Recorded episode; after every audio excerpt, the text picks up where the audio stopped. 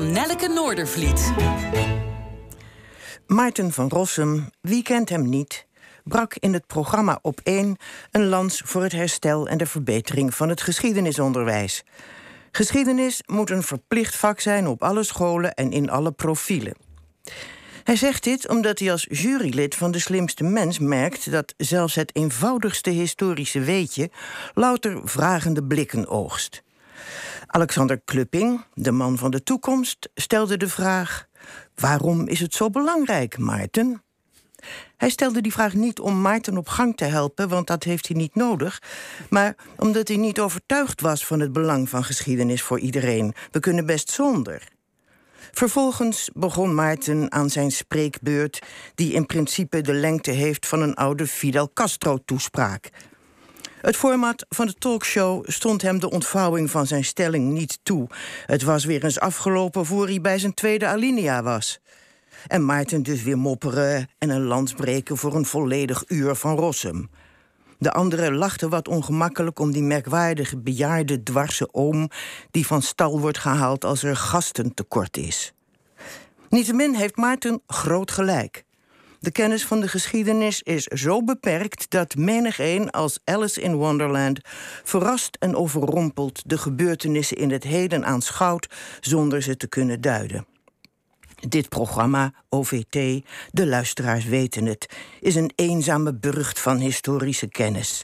Het is een beetje dat kleine dorp in Gallië dat zich manmoedig verzet tegen de vloedgolf van die stupide Romeinen.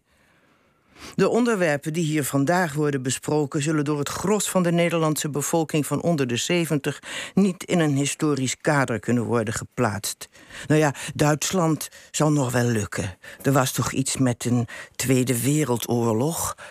Maar als er over Dada wordt gesproken, hm, Dada is een groot raadsel, in ieder geval raar. De spijtbetuiging van de Indonesische president voor de misdaden tegen de menselijkheid in de jaren 60 begaan, zal geen enkel belletje doen rinkelen. Hè? Wat hebben ze daar dan gedaan? hebben wij niet net soort van excuses daarvoor aangeboden? Dat vrijwel tegelijk met het excuus voor de moord op communisten de net aangenomen wetten in Indonesië de mensenrechten op een andere manier schenden, is een pikant detail waar ze in de toekomst excuses voor mogen aanbieden. Een beetje kennis van de geschiedenis geeft een driedimensionaal beeld van het heden. Een dieper begrip van de ontwikkelingen die onze toekomst zullen bepalen. Dat we ons druk maken over die toekomst is geheel terecht. Maar dat de geschiedenis als aanloop naar en oorzaak van die toekomst wordt veronachtzaamd, is zo kortzichtig dat ik ook weinig vertrouwen heb in een toekomst die wordt gemaakt door historische analfabeten. Ja, Nelleke, dankjewel. We zijn natuurlijk wel razend benieuwd, maar dat houden we onder ons. Wie volgens jou van dit historische dorpje, wat OVT zou zijn, de Asterix en de Obelix zijn. Maar dat vertel je ons nog wel een keer bij de koffie. Ik weet al wie Asterix is.